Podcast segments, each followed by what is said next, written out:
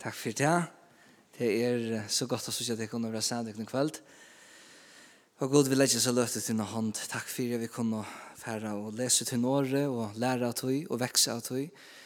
Um, vi ber om at du skal være velkommen og lære oss om og at vise oss om alt dette, hele jante, vise oss om Jesus Kristus og gjøre tog innan og hvordan hvordan så vi året tog noen innskjer at, at jeg kom til alt det som er for fremman, men ikke bare til eisen til løtene nå som vi der i. Til der oppgaver og arbeid og skilter og anna, vi røtja kunne ennå seg det. Just gjør to åkken til um, uh, ja, fullbyggven uh, Guds öttan, de heile mennesker som omboa til rattan hatt, Jesu namn. Amen. Til velkomna blev vi mer til, uh, til 4 Korint kapitel 12, vi færa at læra a synder om Kristi likam og idea som vi jo er og her Kristus sjálfur er hødd okkara. Og um, vi færa tås synder ut fra kapitel 12 og så færa vi ærastens rundt alt etter hva uh, gussetøyen løyver okkom og godt at så gitt ikke nødt høyast og eisne første laven til vei til å være omkring tiltøk i kveld Uh, men uh, jeg er glad for å være her på en. Jeg er spenter om oppgavene og arbeidene og alt det som ligger i, um, i arbeidene siden lastene. Men eisene, kanskje mer enn dette, er at uh, for mye vi kommer an til Jeg kjente som så snart, hette vi er festa råd, og at, at røyna at suttje hette som nekka og er værande, og nekka som vi skulle tjukla om, vi skulle være ansyn og kærleksfull om, hette er som fellesskaper. Hette huset er valsigna, men mer enn hette huset så er det tid valsigna i. Vi er valsigna i til at vi er i fellesskap sammen. Her Jesus hever lagt okken i Matteus kapitel 18, at her som tvei og tru er sauna i og her er jeg mitt og i mittlen tarra, sier Jesus sjolver. Så vi er savna her i hans navn, og han er her. Jesus er her. Han sier så leisner om Osbury, uh, om at her, um, så vekkingsna som, som er her, og det som hender her, at um, Jeg prysa vi gode for det som vi gjør her. Det er nek som bender av at det er et satt herrens versk, det er nek som vi har møtt av gode. Men mot innskje for det i kveld, mer enn at du er takksam for det som hender i Asperger, til det at du tek denne Bibelen og leser igjen. Det er det som sin ene sier. Tek henne bant nå og leser igjen. Til det har større tøtning for det bant nå enn hva hender i Asbury. Og til nek som feras til Asbury, og til nek som opplever det som hender i Asbury, god sikne deg. Men vi sier det her i kveld, vi har Jesus tjakken, vi har Guds år her, og vi får lese i tog. Vi får eisne tås synder om um, var væreslige til at det er en nekko vi vid vidkjera og mangla høyra fra nekvon og anna. Men vi hava jo imiskar atlaner og imisk vi hava ho affær sett til versk. Og jeg synes spentra for oss om det. Nå var det en løsning som var i vikene og det var nekko som var Josh Berry skunte og, og lidren var sindre åheppen til halvd jeg har vi hukks om nu og ikke hvordan jeg rett er atlas dennes at least skulle være i blavon hatt affær vi da rett på Men logo i hever en blåan karm og jeg bare, så jeg tar det jeg, jeg, jeg fester meg vi. Men ja, vi skal eisne suttjast og, og være virksom og være boende og dette, og, og Facebook er, er best ein mil, er best et sted her vi gjør det. 4 Korint kapitel 12. Vi færre lesa fra vers 12 av, men til ututninga har vi hoa at dette her er midt i en kapitlet. Og framan undan hetta har man akkurat lagt om nøygavnar, Og vi kommer til oss nok snakk om nøygaver. Høyast, det er i seg selv er ikke evne i kveld. Men så, så kommer det inn til. Så det er ikke akkurat i kvønn form og kvønn laste skal den profetiske gaven være nytt i samkommøpe og utenfor samkommøpe og tungetale og utlegging og så framvis. Til det er et største enn i seg selv og som er verste for etter. Men nå skal vi bare ha i hoa at dette er så. Og anden åpenberer nøygaver til kvønn einstakan. Fyre eisne at det skal være ørene gagne. Men vi vet at i Korint var nekve trobleikar av nøygan. Ikke til at nøygan var trobleikar, men til at falskene var avbyggven. Og til nytt og nøygan er for at erspa seg, for at hevja seg fram om ånder. Og her i hesen økene Bibelen i kapittel 12 og i 4 Korint og kapittel 13 og sånne kærlegan og 14 kommer det sin tungtalene. Her er det særlig hesser her dynamis eller så karismatisk og kanskje i naturlige nøyganer som vi har nevnt der. Og til så er en lærer nevnt her bant og onkrar tænastor, onkrar, onkrar kall kan man se, det har vi nevnt i samme kapitlet. Men færre vi så til Rømmerbra kapitel 12, så har vi de ærer nøygaver. Og vi skal heldur huksa bare nu, som er vi tar som nøygaver og i brei og tøytninge. Her er onker som her finnes djeva, huksa om det. Og vi kom inn og ærer nøygaver man har løtt. Men så teker Paulus seg vøkru mynden om et lika. Han sier, vers 12, til at ans og lika med er eit og hever mengar limer, Men alle limene av ligamnon til at er mennesker, korsten er og eit ligam, så leis eisene Kristus. Til at vi einom anta var vi jo alle døpter til eit ligam, anna kvørst vi er og jøtar, etla grikkar, trealer, etla fralser, og alle finner vi ein anta at drekka. Stekka utlik her. At det her, at dette er et evne som synes som heilig andan. Det er vi heilig andan er vid öll gerast eit ligam. Så kommer vi ta oss en løtt om, eh, vi har ikke stund til kveld, akkurat kvært døper her vi vuster til, om det er eh, den døperen som er av hattene vi andan, og, og vi tog døpen om, vi gjør oss etterligga, eller om det eisen er en utvarstestøper i vattnet. Um, her er det kanskje eisen imska fættan om, hvordan det skal gjøres. Men i ødelen føren er det greit at det er jo anten som sier jo fire, at vi om vi så er jøtar, grikkar, føringar, træler eller fralser, ruik eller fatak, så er vi ett og Kristus er hødd. Så leser jeg vi gjør. Liga med er jo heldur ikke einlimer, men mennesker. Om fædren sier, vi til at jeg er ikke hånd, høyre jeg ikke til liga med, så heldur han for til at jeg ikke pæt at høyre til liga med. Og om øyra sier, vi til at jeg er ikke eia, høyre jeg ikke til liga med, så heldur uh, til, for til at jeg ikke pæt at høyre til liga med. Om alt liga med var eia, hver var ta hørnen? om alt var horn, hver var ta lukteren. Men nu hever god sett limenar kvön einstakken at heimon og lika med ettersom honom lika i. Men om tar atler var og ein limer, hver var ta lika med?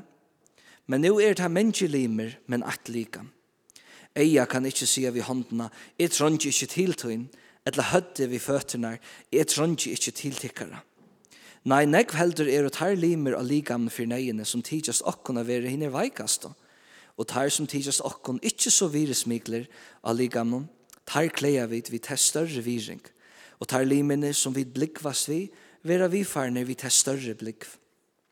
Hiner herremåt, som vid ikkje blikvast vi, heva det ikkje neiut, men god hever sett lika med såla i saman at han gav til ringara større æro, for at jeg ikkje skal være tvidrottere i ligamon, men for at limene skulle heva som og omsorgan kvar for i og løyer ein limer, ta løya atle limene vi, og verur ein limer heiraur, ta gleast atle limene vi.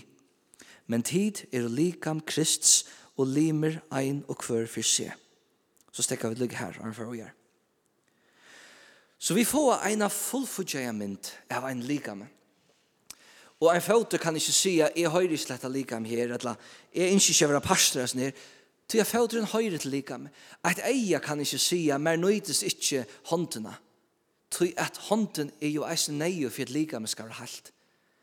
Man kan kanskje umynda seg at hese som bare tala og harsht i tungen og, og tan andelig ørskapren som får fram i Korint vær såleis at avvisar, avvisar limer, avvisar nøye gaver, avvisar pastar er likam vår hildne nirre. Og det var eisne tvidrotter og flokkadrotter, og som jeg sa, jeg høyre ikke på hjetta, og jeg høyre ikke på hjetta, og du høyre ikke her til, at jeg trond ikke til tøyn. Og Paulus viser ødlom hesen atter, ved at understryka tøytningen av at liga med er eit, og ta er til ta honke saman við lium og við vøddon og við beinagrund og við öllum tøy sum til høyrir. Og her stendur í vers 18 at Gud hevur sett limenar Hvem einsakan at heimann avlika med etter som honom lika i? Vi er heldur ikke erspokken til vi hugsa om hva for gaver vi har finnst i lota. Etla at miss, um, at, at miss on, at, um, um, at øvunnsjuk, hava øvunnsjuk motveis okkara, okkara granna, okkara systra, okkara brøver, til at det god som hever kipa kvosso ta heila er. Han hever give nøy gaver ut et så som han lykka i. Han er givet okkon einstakar, einstakar gaver og førleikar og dikter og eikjenne som mynda hver vi er og vi er og kadla til å være parste av sin ligam, vid høyra til dette ligam vi andan. Ønsken er fra tidsen tog. Og ønsken gava um, hever og løyde vire, etla hever åstars vire til at ikkje plass for en ærare. Er til tørver av øtlån gavun andans, øtlån heim og diktum som Gud hever lagt ui okkon som er bøtten hans herra, til at han hever sett alt så som han lykka i. Så hvis onkur fær en oppgave, så kan ein ikkje erpa seg av til oppgaven, og rausa seg av til oppgaven, til at Herren lykka i til at vi kommand skulle få oss oppgave. Og det var alt Herrens verk. Og i siste enda. Det er det vi tryggva. Og det er det som vi gjotta. Og her stender eisne så leisner skriva at um, Ehm det her vers 4, men god hever sett lika med sola i saman, at han gav til rinkar av større æro, for at jeg ikke skal være tvidrotter i likamnen, men for at limene skulle hava som og omsorgan hver fire øron. Og hatt er nekka som vi ofta er teka til, men kanskje til tog jeg gløyma at god hever vent nesten alt og høtte. Jesus, heimsins frelsare, tvåa i fötterna til lærersveinen. Og han sette seg själv lokt og och i til um, brukte ikke til at han var jaunlige gods. Og han hei alla dård gods, og all fytling goddomsens bo i honom. Han nøtti ikke til for at, at trumla nek i jøgnen. Han tante, han, han lei krossens deia, han var avsputter, han var slien, og han lät inte en rättvisande om bränna ut fra seg mot ett hem som här stod. Han var kärleksfull och nöjer och gromilt och miskonsammer och tålen med oss. Och så läs lägger han också fyra dömer hur så vidt är jag liv och gärna. så det är god som har kipat hennes när. Han har kipat läglot. Han har sett det så läs när. Att vi som här är här sauna vi har här som god atla vi skulle hava til å være virksom i hans likam. Til å være pastor at her versen og til leigloden som vi skulle røtja her av folk. Her Kristus Jesus er herre. Her han leier. Her han er konkurren. Men ei snakka som vi heldig vera så vekkert her, og som eier av være en, en ekvelig stersk anmenning til okkom, til det er at um, om ein limer luier, ta luia atler limene vi, og verur ein limer heira og ta gleast atler limene vi. Moin, mot hjertans innskje og langsol fire for Libanon, for hetta sted her vid saunast, hetta som vi råkna for å være andelig heimokkara, at vi hava det så leisner at ta ein okkara lujer, så luja vi öll, og ta ein okkara gleist, så gleist vi öll, ta ein limer heira vår, at vi gleist om det, ta onkur gleist, eh fær ver signaur og og uppliver nakka gott. At vi koma så der og er om kvann annan og kjenna kvann annan. Er nær vi kvann annan og er personlig. Så det er det som eisne heter likam. Det er det som vi skulle søkja atter i hessen likam og kjenne atter i likam. En ofattlig omsorgan, en, en ofattlig kærleidje som valdar inni i likam og fyrir hverjum lime og hverjum parste.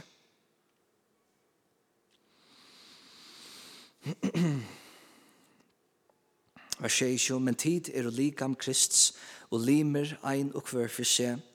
Og god har sett nekrar i kyrkjelin og fyrsta leie til apostlar, og i øron leie til profetar, og tria leie til lærarar, så er han kraftagjerer, tøyna skaver til å grøa, til at hjelpa, til å styra, imser tungetaler.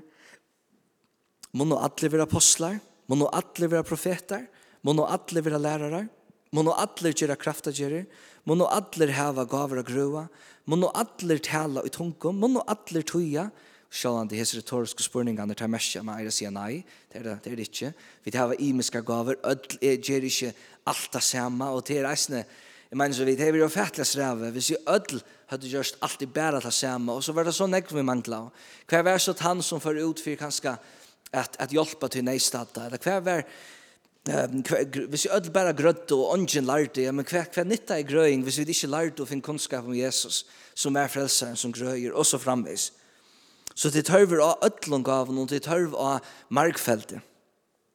Men traje etter hinnom største om og jeg skal vise til kom en øyeliga bedre ved.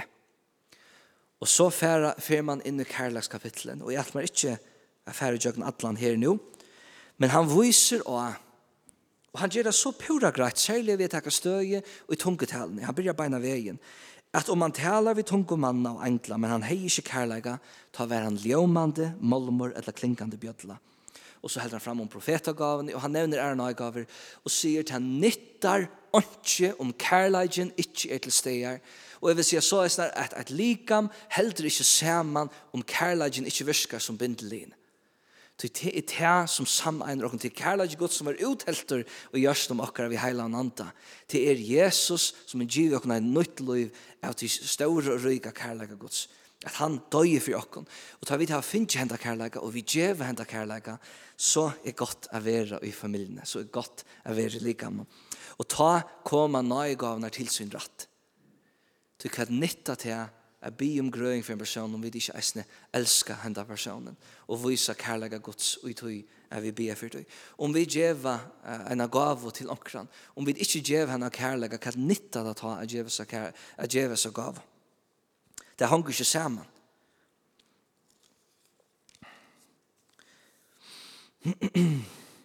og i 4 Korint kapitel 14, vers 26, her stender, Hvordan er det å ta brøver. Ta i koma saman, ta hever hver sutt. Ein hever ein solm, ein lærer, ein oppenbering, ein tungetale, ein tøying. Alt vere til oppbyggingar. Alt vere til oppbyggingar. Ta vid sauna saman sånne det er. Ta koma vid ødli imeskon, og jeg ønsker, og ta, ta vi tås oss syndrom at vid, i samkommen her, færa at ledge okkun etter at fylgja Bibelne så vel og digilian som vi megna vi Guds hjelp. Så snar at vi loiva breiten og helden av de himmelske gaven som ligger i okkun at koma fram et ta i vid tæna kvarnøren oppi okkun annan i Jesu navn. Så ta i to hever nekka ber deg fram. Arne du først har møtt i sånne der hoksa og spyr, spyr god god hva kan jeg djeva mine syskjen som her kommer. Hva kan jeg gjøre mot heimen som jeg elsker og jeg har genka? Og god gjør til meg kraft at elska deg øl samål og være milder og nøyrygger møter ødlån. Og at, kan man si så snar gjør gjøre noe vi hetta. Ikke bare skilja det og fæta det og tryggva det, men versk fylgjer jo vi trunne. Så det er mersker at vi skulle tåra og vilja at narskast kvarnøren og en hatt som vi kanskje i ødlån en er sakne og meira av, og som er innskje at du har vise i verste selv. Du kanskje kan komme med en liten søy vi mersing at um, jeg har til fætan at om man sier til Laslo så er det en avbyrd og en skilta eisen jeg vil ha vidla røtja og at ansa etter fylkjene som gonger i hese samkommet her må så saunas her. Og det merker eisene til at det ligger av mer, og timen sier lesene, og det ligger av åkken ødlån i breien, tøtten men eisene timen som leie av en særlig hatt, er at tåra aspirien til, at vilja å spyrja til, at brenna fyrir at tjena og at djeva seg fyrir kon annan. Så hvis jeg spyrja sindrin til, så er det tøy, så er det tøy at jeg innskje at tjena tær, jeg innskje å vise tær kærleik og omsorgan, jeg innskje å bia saman vi tær, og så lesa at to kan være oppbygd, oppbygdur, og i okkar at trygg for Herren Jesus. Køyre head.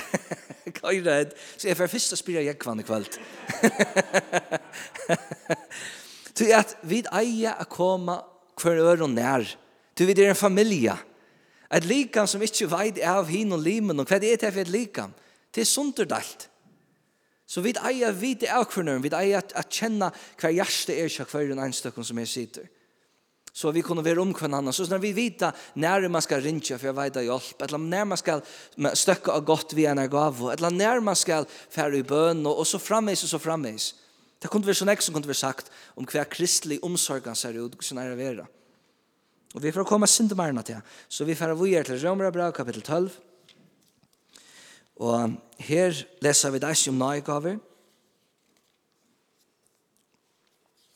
Her kommer eisen negg om eh, hvordan det så skal suttjast eh, i fellesskapen, heter vi at hava falsleisan kærleika og hava anstikt fyrir de ytla og så er Paulus kommer innan nekka hesson fra vers 90 og ut etter men jeg får bare lika slutt at lesa fra um, vers jeg halde vi kanskje teka det fra troja av ja.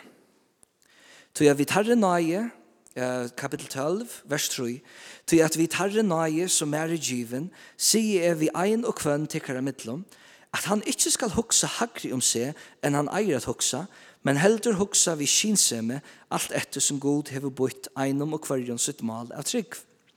Tui at lika som vit og einom lika me hava negva limer, men limener hava ikkje alle sama gjerning. Såleis er vit hinner monko eit likam i Kristi. Men hver for seg er vit limer hver tjø øron. Og vi til at vi hava imeslige nøygaver, samsværende tarrenøye som okken er given, hverst han jo er profetagava, Ta lät om okkur nøyde henne som vi hava trygg til, etla til er ein tænasta, ta lät om okkur vær om tænastna, etla om ein hver lærer, om læreragjerningen, etla om ein hver anbinder, om anbindingina, og tann som byter ut, gjer det vi trolente, tann som stender fire, gjer det vi utne, tann som gjer min miskunnarversk, gjer det vi glede. Det første som man kan skal legge mest til, at her er ærar og gav vi nevnt der, um, enn det her som vi nevnt der i Korint, Og så er det atter nærkere ærenøygar som var nevnt i Jesus. Så tar man samanber alla listene, så ser det ut som er somt vi nevnt her, som ikke vi nevnt her, og så er det somt som ganger atter, og somt i kanskje vi åra eller kalla er sindre ørvise, og i hesen listene i mån til de neste listene. Og det kan få åkne hoksa, og i halte til rett hoksa, så er at dette skal ikke nøyt hurveligene skal skilja som en fullfudgjavur og endalig liste. liste men meira som ein, en avis oppramsan, her så var det avvisar nøygaver som hava særlig antydning vi har nevnt der, men, men eist i ærar som man kanskje hoksa er hatt ein nøygava, for atra at vise at det er så nekv som god djever okkon som er ivnaturligt. Vi halta at gjera vel i møte nasta okkara er bare, en likamlig gjer av kærlega, og god sier til er en nøyegava, til en even naturlig gjerninger som vi kunne gjere i kraft andans, som kan heva evig antydning, ikkje bare fire um, tan personer som møttykker seg gavene og kan få møte vi god, men fire okkom vi, og i det at vi, er, vi samstarver vi god og i boan, her vi sier vi heimen, vi er satt vi Jesus Kristus, kom i rattle og møte frelserne. Og vi kunne virka som limer einstaklingar, men som likam samna i hesen huset, utfra hesen huset, og hver vi så enn er støtt. Og her var nekvar ståra gaver nevntar. Allar lyga ståra. Men vi er ikkje hukse og høgt om okkar sjalve, at erspa okkar, at vi er og erren, at er du i hetta, og er du i hetta betre enn en annar. Men heldur at undergjev okkar, at vi er fludgjelig, underbråtelig, at, at, at djeva um, kan man säga, att tjäna. Att lytta kon annan upp, att älska. Och i mån till profetagavna, vi halter det passande sted, här säger han, om okkon er, ja, kvörsta nu er profetagava, ta lært om okkon nøyde henne ettersom vi hava trygg til. Det er en god som byter ut et mal av trygg til å virka og jesu nøygang. Og vi er ikke at trakka ut om det som vi hava finnes trygg til. Og til negv halde i hesen døvun, Og jeg vil si så snar, mot mine forstøy og mine opplevingar, så halte jeg at det er sinde mer utbrett og i til karismatiska omkvarvnån, at man hever hod til at strakka sinde langere til man er så man er man man er hana nei etter god. Og det er vekkert at man lunges etter god og man tror etter god. Men man skal eisne hava kinsem. og her er jeg sindri det vi skal hava meira skinsem hava andans kraft og nøygaver og grøying og profet og år, og vi skal hava kinsem i eisne. Og viska i mot til amali av trygg som det finnes. Så vi eier bia god om god gjemmer meira trygg. Og så gjerne være eimug og være lustande og være møttakande fyrir tog god til lyrska og gjøknon okkom. Om vi kjenner det av okkom, om du kjenner det av det her, at verset kvart i eier djeva hett og hatta verset til tann personen. Ja, men gjer det. Det er ingen vei i det. kan bare være godt at jeg var Guds ord til en annan person. Men jeg profiterer hver onker skal giftas vi, ja, boja lysende vi hæsson. Boja er lysende vi affæra så vitt som her. så det er det vi har kinsemme. Det jeg har sitt jeg møte her onker har profiterer til en av kvinna at hun skulle gifta seg vi sujemannen. Og det var et av rævligaste møte nærkende sitt jeg, til eldstandere, til menighetene trakka og ikke opp og stegga av det. Og det lyder svartast onkel. Men hatta var så spring. Så kinsemme, bibelsk gå læra, vi halda okkur Guds år, at vi gera tær sum som er som takna skode. Lært til sånne ganar, virke jøg nokkum. Så færa vi eisne til Efsos. Etter skal vi det siste søsne versene, og vi tar oss ikke mer frutt, kanskje. Um, Efsos, kapittel 4. Halt kjøtt leser vi først vers 4, her stendur, Eit likam og ein ante, ein så tid eisne vår kallar til eina vøvn i kallan tikkara. Så, folk er kyrkje folk som vet jo nok flest teknisk er og eisne som sitter her, um, pinsafolk, brøver, og så framvis, og så framvis, og så nekver, nekver kyrkje samkommer og, og, og, og, Vit i verlegan, er alt bæra eit likam. Og etter ligga med spennende seg sera, sera vitt, fra neg, middel negv imisk misjonshus, her i fyrrjon eisne. Og tå, så er vi eit likam som eisne er her. Vi som har et lettehus, så saunas her. Men til ein ante, og han bor i økken ødlån, til ein vøvn, og til vøvnen om at vi skal eia evet liv i himmelen. Og hitta okra kær og atter, og vera saman vi gode, og Jesu, og heila andan i allar av. Så leser vi og i vers vi fer fra 12 av, og bant han hetta, så han atternevnt apostlar og profetar og troborar og hirar og lærare. Men så stendur vers 12, Fyri at gjerra hini heila og fullbyggven til at gjerra tjernasta til oppbyggingar av liga med Krist. Så fyrst her, han hever sett nøkker til a leia, nøkra finnje av vissa særlige gaver til at oppbyggja ligame, så leisnar at ligame kan vera fullbyggve, til veksa til og mennast og vera til reier til tænast um, og ja, og så snar at jeg vera oppbyggt, så vi er fullbyggla til at han som vera oppbyggt, vers 13. Inntil vid atler samler vinna fram til einleikan i trunne og i kunnleikanon om sångods til fotla mennesko, til vaksarmale fyrir fytling krists, for jeg vet ikke langt skulle være avmyndingar som kastast og rekast hier og her av hverjum lærdomsvinte av falslåd og manna. Vi svikom av ilskur av om tarra, som er i vittlo.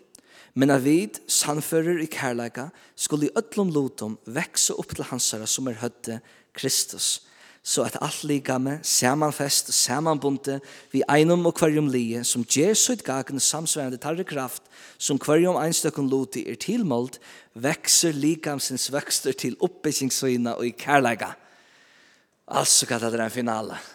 Her har vi alt samantvunne og i et, en sånn verkran enda vi mån til hva likame vi viker. Og nå færre vi jeg synes det varlig enn i jøgnunda så har vi skillet det synes det bedre. Så han har sett apostlar och hirar och trobara profeter och han har sett folk og avvisar tjänster som eh, är vid till att uppbygga fylke så fylgje, så ligame, kan uh, fyrsta ödlom vera fullbyggve til att göra tjänster. Men eisen så snart at ligame skal vara oppbyggt, lika Kristus är och Kristus är hötte. Så så vid här var fyri fyra att lika kan oppbyggjast. Till, inntil, hvor skal det, alltså, gå så langt, ju, inntil, vid alle samle, vid öll her, vinna fram til einlegan i trunne, og i kunnlegan om sån gods. Så tryggven og kunnlegan om sån gods skaper einlegan. Onkur kanska veldig hilde at meira læra skaper split. Til så da meira fyrir alda seg til, og jeg tog mig hatta, og jeg fyrir henda vi. Og så snar fyrir man sundur. Men Bibelen sier akkurat öfut. Kunnlegan om Kristus, tryggven, Det er en einleidje uttøy. Og det passar, hva som det. Om vi ødel kjenner Jesus, og vi ødel vita verset han er gjørst for jokken, så vita vi hver vi der familie vi. Jesus som sutja til som vi sutja, og skilja til som vi skilja, og hava tro til, hava jotta til, til familie okkar. Tog kan man feras rundt om allan heimen og møta sin familie, og hver man så kommer. Og det har vi oppleva, og det er helt særligt, at møta en fremmande som du omgat gjør halsa på, Og så finner du til at vi kommer til tryr av Jesus, og hever Jesus i hjertan, og vi er eit. Ja, du har haft en egyptiska bakgrunn i en koptiska kyrkja, men du trusta Herren Jesus og vi er brøver. Det var helt annet standande opplevde det, at jeg flott til Danmark. At selv om man var så lengt fra kvarnøren, så var man så nær til det kom til stitches. Så til en einleidje i trunne og i kunnleggene om sånn gods. Til fotla mennesker, til tid alle samle vinna fram til fotla mennesko, til fullan uh, menneska, til ei, ei vakse folk. Og hvor verða det nevnt ei vakse folk er bantia bant at han har tås om avmendingar, smabbød. Så at, at han, at tjena snarere oppgavene hette vi bytje opp liga med er så leser vi kunne vinna fram til fotla mennesko, til vaksarmale fyrir fytling krist. Hva fyrir vaksarmal har vi det geng etter? fylling Krist. Vi vet at alle goddommeren vær og i Kristus, ta Kristus være fold. Så fylling Krist er Kristus selv og i alle sinne fylling, og i alle sinne goddom, i alle sinne heilaga. Ta er vaksar male som god hever sett liga med Kristus her affær etter. Det er jo fætlet å hugsa om. At vi er kallet til å være eins og Jesus. Det har vi tørst ærestandes, men her hører vi det atter. Vi skulle være en så Jesus, vi skulle færa fra dør til dør, fra heilalega til meira heilalega, og så lesnar koma løyjas Jesus er meira og meira. Så lesnar vi ødel vinna fram til vaksarmal fytling Krists. Og så stendur vers 14, for jeg vet ikke langt skulle være avmendingar som kastast og rekast, heier og heier av hverjon lardansvinte, av falslautum manna, vi svikum av vilskur av tarra, som er i vittlom.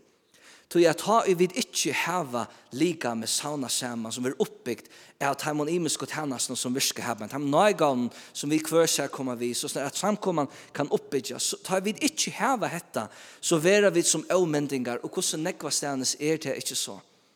Her, så er vi som bøtten, og ikke vita better, og så høyrer vi det eit, og så gengar vi tannvein, og så høyrer vi det anna, og så skiftar vi kaos. Vi vita ikke hva vi stand, og vi vera vidleit, sier Paulus. Så det er ikke så løsene vi til atle i vera. Vi er atle at vi skal vita, ha innlid, og veksa, Lydias Kristus. Vers 15. Men at vi sannfører og i kærlega skulle i ødlån loton vekse opp til hans herre som er høtte Kristus. Vi skulle være sannfør, sia satt og i kærleika. Vi må ikke, man kan si sånn her, vi sannleika noen slåa kvann annan nyer. til at sannleggen og rattvise gods kan være rettelig bare fram og harst at høyre. Du se en eisne sannfør vi kærleika. Hette galdande i alla sens og løyvna. Vi har tørva å høyre sannleika for vi skulle menna som mennesker. Jeg har tørva å høyre sannleggen fra, fra konomun i tjunaband i okkara, heima ved hus. Og jeg får eisne sannleggen av vita, men tog betur jeg får en vi kærleika. Til det har vi tørva. Til annars så har jeg vært idla fyrir. Til jeg vei gussen jeg er feile. Jeg vei gussen stutter, stutter er kommet. Men jeg har tørv å høre til så at jeg ikke gjør det så større. Og jeg får hjelpe meg. Jeg må være eimjuker. Til jeg har tørv å nøye gods. Jeg har tørv å andas kraft. Så at jeg kan gjøres en mer kristelig maver. Så vi skulle være en sånn i forkurnøren. Her inne i misjonseslen. Vi har tørv å si satt vi kun annan og i kærleika. Om det er okkur som ikke er leie, ja, men sita. Om det er okkur som er godt, ja, men sita.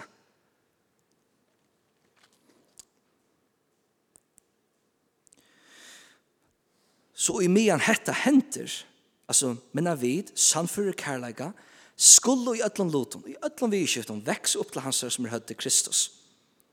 Så det skal være en avhaldande vøkstur og menning, og Og jeg trykker vi at her er et år vi kan teka til dere for arbeid her og for arbeid fram etter. Og avhaldende vøkster og menning og halgan og heilagjering. Nå vi søker herran og innskja meir av honom her. Så er det hette at alt lika med samanfest og samanbundet vi einum og hver lije som gjer sitt gagen. Hver lijer hever sitt gagen a gjerra og hever finnje tilmåld tar det kraft, en avvisa kraft, a fremja et avvis versk at alt detta samanbundet vekser likamsins vøkster til oppbyggingssøyna og i kærleika. Her kommer at kærleiken inn som det sista punktummet. Og i kærleika fyr alt detta fram.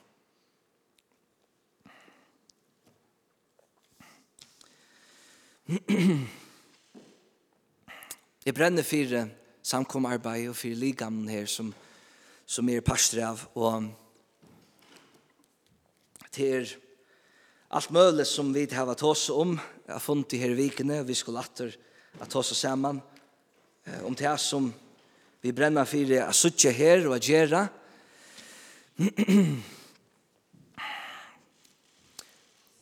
Jeg brenner for jeg suttja en samkomma, og jeg har imisk, imisk innskjer, og jeg skal gjøre kjøttet av det det sista parten er bare. Jeg har imisk innskjer for at jeg vil suttja og, og brenner for jeg suttja her til åkken. Jeg brenner for jeg suttja enn samkomma som, som leser nekko sånne biblia. Jeg enda hever biblina via møte og, og, og, og leser, kjenner henne og gjør år til hver annan åren og etter møte og i mea møte vi fram. Jeg videre en byande samkomma som er, er nær, uh, nær vi hver annan og, og, og nær om hver annan. Jeg vil dra boende og jeg fer ut. Det større med kjønnsbøy er en galdant. Vi kunne ikke gløyma til å halda at, at det skal bare hende seg selv når mennesker kommer til trygg.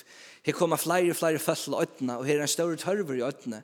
At jeg kan ikke vise at, at her er at, at, en, en større, større tørver av trygg vi heser øyne. Vi må til ærestens landet, og vi vet at eisen går større tørver enn ærestens. Jeg leser en grein og i jar, kommer tro på han halvt i frutjadeien, Jeg minnes ikke bare nå hvor jeg skriver i henne, men til så anker her i Hammersjøen som skriver at en et brev kom inn fra anker om misjonsfellesskap, anker misjonshus i om, der trobelager de heva at manna, folk og arbeidar poster. Er manna kanskje folk og i, i ena leslo og, og, og til ungdomsarbeid, juniorarbeid og anna. Tørvene er større. God er lykke aller samme, og han kallar en. Det var nyestående greine. Vi sitter inne her, flere av oss, vi er fætliga tøyande oppgaven og i Guds rydges arbeid for serva og for okker ut fra hessen huset. Og at hjertemål til okkon verur at jeg sameina hesar her gavene, hesser kreftene, hesser personene, personanar, jeg vet vi fela kunna stole punter og færa etter nøkron. At suttja mennesker koma og møta Jesus. At hava en avvarskan. Og som tatt vi sier nå er nok eist mest av hesson at jeg enn ikke er komin helt rundt og hava tåsa vi ødel og kjenne noe vel til alt arbeid som hendri løtene. Det er vi nekka som jeg føler ikke meg etter nå. Men Men det skal suttjast og høyrast og merskjast hva vi som samkomma um, er ui og gjerra vi Guds kraft og Guds hjelp. Vi skal vite av hver nøyron.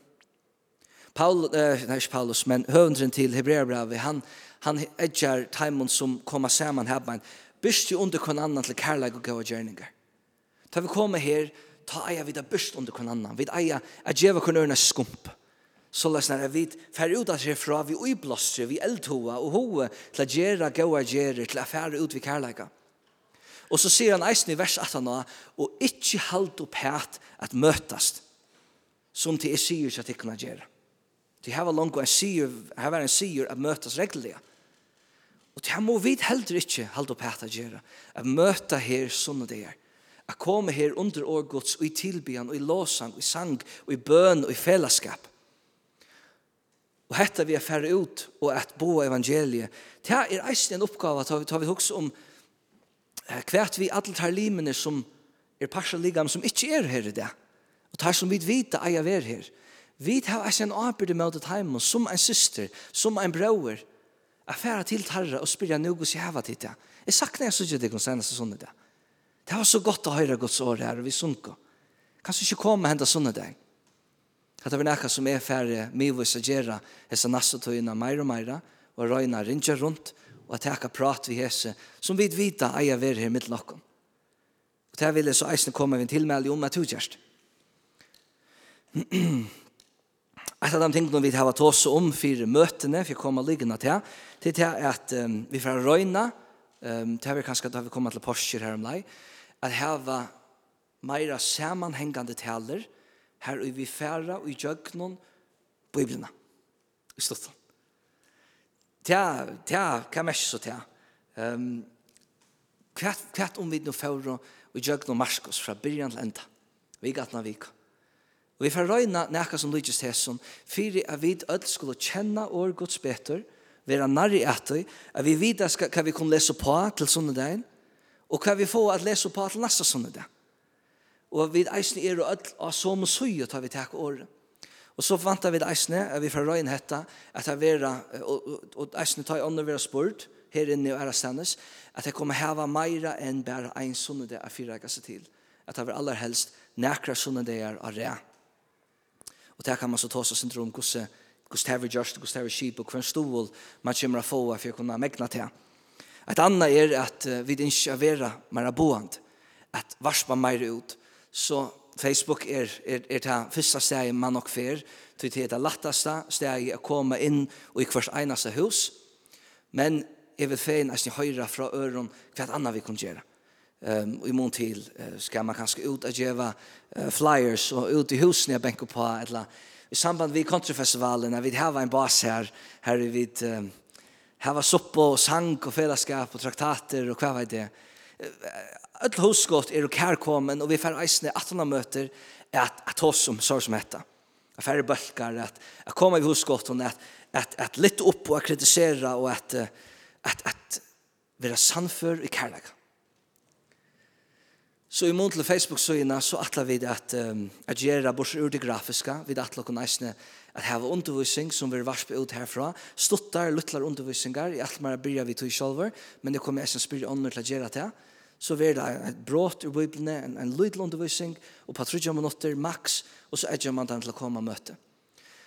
Møte her er først og fremst fire likame. Men, vi er føringer, vi er føringer, vi har det her vekkri her. Hette er eisne sted, her er vi bo evangeliet, her er vi få avfrelsen, her er vi få mennesker som ikke kjenner til god. Og tro på han for eisne fram her, så er vi kommer her aktiviteter, for å kunne få folk inn her, og så vil det eisne en boende glede skaper her og høyre. Og det er derfor så vi kvann eneste som det. God for lov for det. Um, ja. Jeg færger på sundagsskolearbeid her i hos noen. Uh, vi dattler kunne samskipa eisen i husbalkene bedre. Derfor er vi en husbalker for uh, badnafamilier uh, og støk. Og kanskje hesten her aldersbalkeren her. Uh, og så er det eisen en husbalker som køyre løtene, som vi færger bare av å sikne framhaldande for, um, um, for meira byggvinn folk. Jeg sier det så. Takk og lov for det. Og om det er ære bølger som ikke kjipa seg, så vil det stål vett til det og sikning byen i tøy. Men at hese er tjenester og, uh, og hese er her, hese fell, hese fellesskapen og man kan ja, få, få lod og jeg tror at det skal eisen løses vi tog, det skal man kunne få akkom til høyre om her av møtene. Øyla, øyla, nek og anna kunne vi sagt, og eisen som er får nye detaljer, Men er ødlom for spenter om at samstarva vi tikkun i fresen huset, at nå hese odj, og et land, at vita hva god man fer gjergjøk nokkon, til god han er sannlig her. Så jeg fer bi et lendans, bi god om at uthedla nøygarsynner i vrokkom, og at her må eisne være kjenneligere. Gå god, takk for det, at du er her, og at du virskar i okkom takk for at du er rører vi hjärst okkara. Vi ber herre om at du leter andra tøyn kom i vrokkom. Be om at du leter nøyganer virsko i okkom. Gavra grua og profetagava, tungutal og utlegging, at djeva og at leia og at uh, gjøre miskunnarversk. Og alle æra gaver god som du har i hitjo at skulle viska och i okkom her, og så som du har tilmalta. Læt det henta og leta vera kærkomme og leta være rom for tog. Gjev du okkum visdom, leit til okkum og Jesus som skal henda fyrir framman. og til saman uh, tutt li, tutt lika, tutt fylgje i Jesus hus. Takk for det, og god at du er veldig alle stegar, du virkar i okkum. Og takk for det at det er ein, ein vønrygg tøy for framman og vi koma til menneske frelst, ta det høyre året om det. Vi dør med at det går og feir, vi elskar det gav god tilbya veldiga navn til Jesus Kristus. Elska hela ande, vi du alltid nær her, og vis dere nå Jesus meir og meira. Og vi fyrir hver en som, hver en stykken som er kommet her i kvöld, og akkur nødlen samlåna, vi må fære ut, vi, vi fyddling og kraftandans til hesa vikuna som nu byrjar og at vi må fære ut vi kærlagsgjerningen og, og miskunnerverskene, og at vi må bo at vi år, og og leia hesse som vi der kær vi rundt om okkon, sama vi okkon ut i hus, vi heta sted, til andliga fellesskap, til høyra til tår, og elskar god vi tør med til. Og Jesu navne, Amen. Jeg kjenner meg som det rusta, ja, sier det som det er, men uh, takk for at jeg kunne deile året i kveld. God sikkert kom.